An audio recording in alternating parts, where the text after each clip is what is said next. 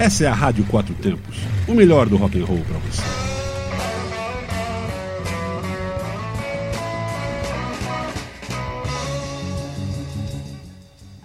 Olá, ouvinte, ligado aí na frequência da Rádio Quatro Tempos. Muito bem-vindo e uma ótima noite para você. Eu sou a Adri está começando agora mais um Momento Divas. Aquele momento voltado para elas, nossas divas do rock and roll. Continuando a pegada feminina da noite, depois de você ouvir muito Inês Mendes, curtir aí o Asilo dos Loucos com a Guinete. E o Momento Divas de hoje vem fazer uma homenagem muito mais que especial a essa grande luz, essa grande diva que nos deixou aí semana passada, que é a Aretha Franklin. Aretha Franklin, ela é cantora, compositora, principalmente na área gospel, R&B e soul, e virou ícone da música negra. Ela foi considerada a maior cantora de todos os tempos pela revista Rolling Stones. Pela mesma revista, a nona maior artista de música de todos os tempos. Ela nasceu em Memphis e foi criada em Detroit, Michigan. Aretha tornou-se a primeira mulher a fazer parte do Rock and Roll of Fame em 3 de janeiro de 1987.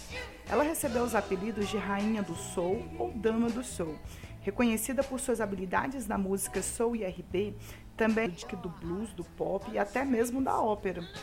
Ela é geralmente reconhecida como uma das melhores vocalistas de toda a história da música por publicações de porte, como a revista Rolling Stones e o canal de televisão VH1. Foi a segunda cantora a possuir mais prêmios Grammy na história, atrás apenas de Alison Krauss. Aretha recebeu 18 prêmios competitivos e 3 honorários. Apesar de todo esse sucesso, Aretha Franklin teve apenas dois singles que foram para o primeiro lugar na lista dos mais vendidos nos Estados Unidos, segundo a revista Billboard, que foi Respect, na década de 1960, que foi a canção mais conhecida, e a New You Are Waiting For Me, que foi um dueto dela com George Michael. Aretha começou a cantar na igreja com apenas 10 anos de idade. Ela se, ela se tornou, naquela época, bastante conhecida em Detroit, ao ponto de ser chamada de a voz de um milhão de dólares. E começou a receber constantes celebridades em sua casa, principalmente os artistas da música gospel. Com o apoio do seu pai, Aretha começou a dar os primeiros passos da música. Quando foi em 1956, a cantora gravou seu o Gospel Songs of Faith, que foi lançado quando ela tinha apenas 14 anos. Não demorou muito para que essa jovem cantora começasse a chamar a atenção de boas gravadoras, como a Mountain Records, que é especializada em música negra, e que logo se dispôs a assinar um contrato com ela. Entretanto, Aretha optou por assinar um contrato com a Columbia Records em 1961, onde passaria a trabalhar com o renomado produtor John Hammond, responsável por grandes nomes do jazz como Billie Holiday e Count Basie. Sob a tutela do lendário produtor da Columbia, John Hammond, entre 1961 e 1966, Aretha lança nove álbuns pelo selo. Nenhum deles fez muito sucesso, mas mesmo assim ela conseguiu emplacar alguns hits modestos dentro das paradas musicais naquela época. Então vamos assim nos deliciar um pouquinho agora com a incrível voz de Aretha Franklin, na sequência aí ouvindo I Change Gonna Come, I Rose Stewart Rose, Road Over Trouble, Daydreaming, Don't Play That Song e Freeway. Daqui a pouquinho eu volto, não sai daí.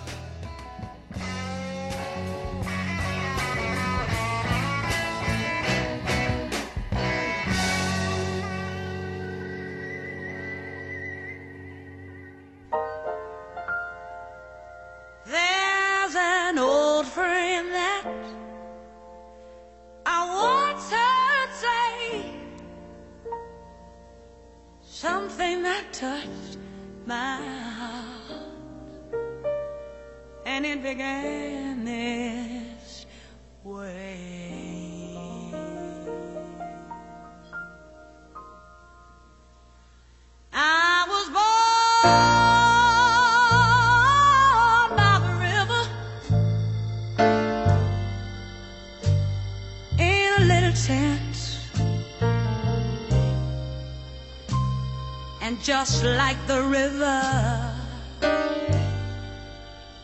I've been running ever very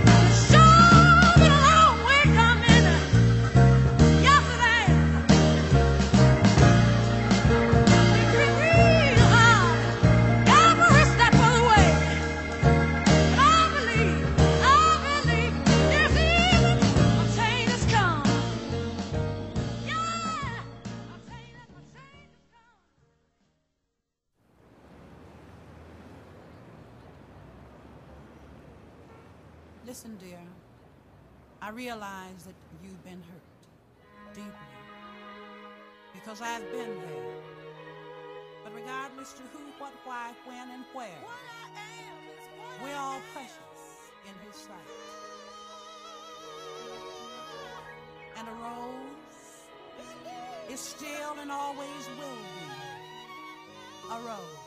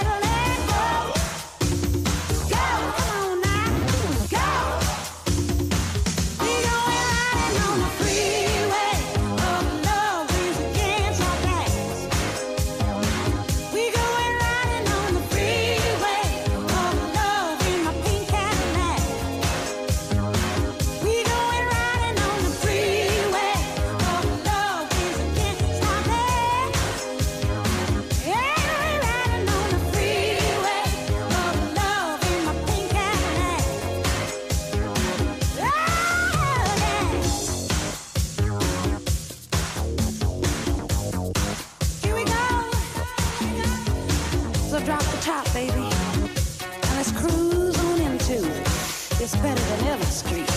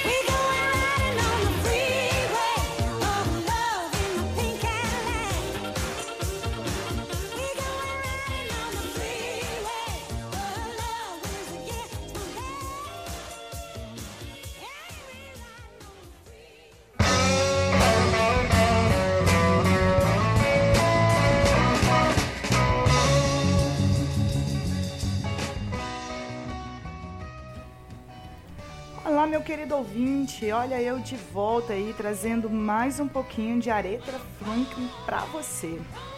Quando foi em janeiro de 1967, após ela não renovar o contrato com a Columbia depois de seis anos, Aretha Franklin migrou para o Atlantic Records. No mesmo mês, viajou para Muscle Shows para gravar a canção I Never Loved Them in the Way, I Love You, diante dos famosos músicos da Muscles, como shows Hint Section. A canção foi lançada no mês seguinte e tornou-se a primeira nas paradas de RB, enquanto também atingiu a nona posição na Billboard Hot 100, dando a Aretha seu primeiro sucesso pop. Quando foi em abril do mesmo ano, a Atlantic lançou a versão de Aretha de Respect, que atingiu a primeira posição tanto nas paradas de RB quanto de música pop simultaneamente e tornou-se a canção assinatura. Tempos depois, a canção ganhou uma nova interpretação e tornou-se símbolo dos direitos civis e do feminismo.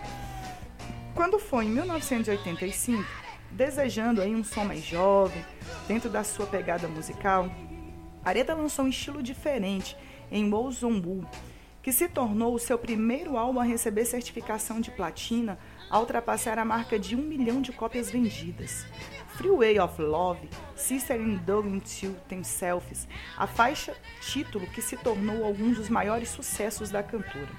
Quando foi em 1987, ela lançou seu terceiro álbum gospel, Only Lord, Only Faith, Only Baptist, gravado na Igreja Nova Betel, que costumava ser considerada pelo seu que, é, que costumava ser liderada pelo pai da cantora.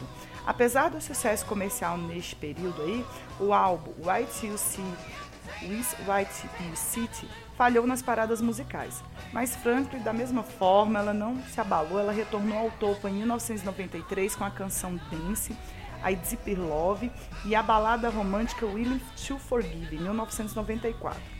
Quando foi em 1998, Franklin retornou ao topo dos 40 com o lançamento de A Rose Still a Rose, produzido pela também cantora Lauryn Hill, e a faixa viria a tornar-se o título do álbum lançado depois. No mesmo ano, Franklin atraiu atenção internacional por sua performance de Nessun Dorma na cerimônia do Grammy Awards, quando substituiu o tenor italiano Luciano Pavarotti e arrasou com aquela voz incrível que ela tinha. Né? Quando foi em 2010, ela começou a tratar de um câncer que a acometeu, passando por várias cirurgias. Mas mesmo assim, ela conseguiu manter-se em atividade, formando eh, nos palcos pelo mundo de tempos em tempos. Então ela se apresentava, mesmo doente, ela apresentava em, várias, em vários concertos, em óperas, eh, em palestras presidenciais, assim, bem, bem bacana. Infelizmente, quando foi em 13 de agosto desse ano de 2018, foi reportado que a situação de saúde dela havia se deteriorado demais e a cantora passou a se cercar de familiares e amigos próximos.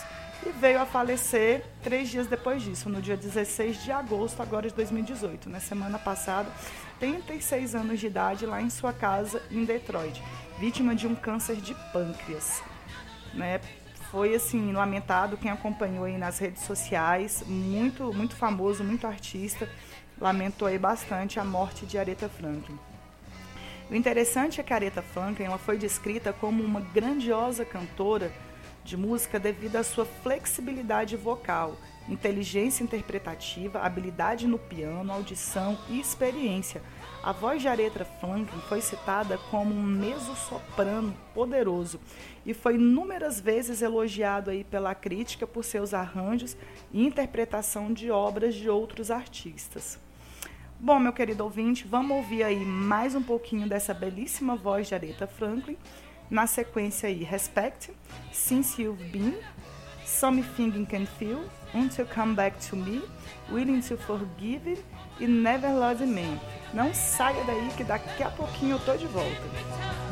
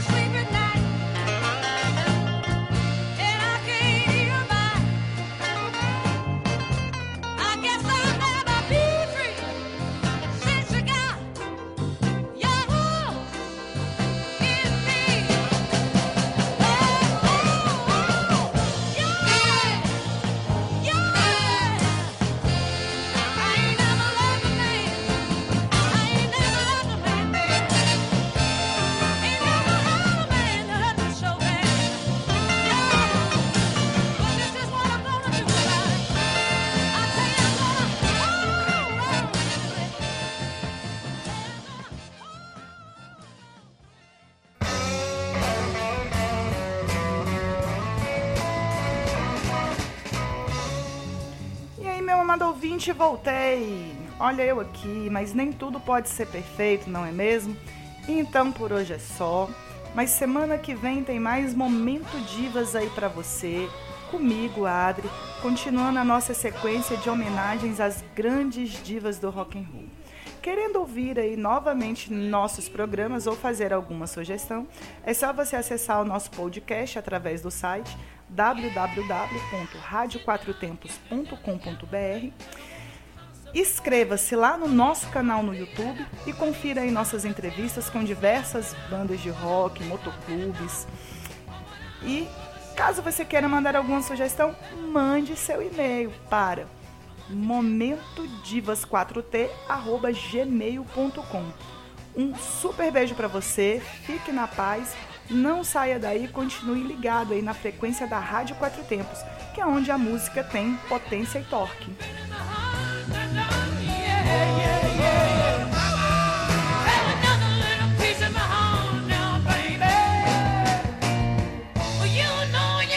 Você está na Quatro Tempos? Essa é a Rádio Quatro Tempos, o melhor do rock and roll para você.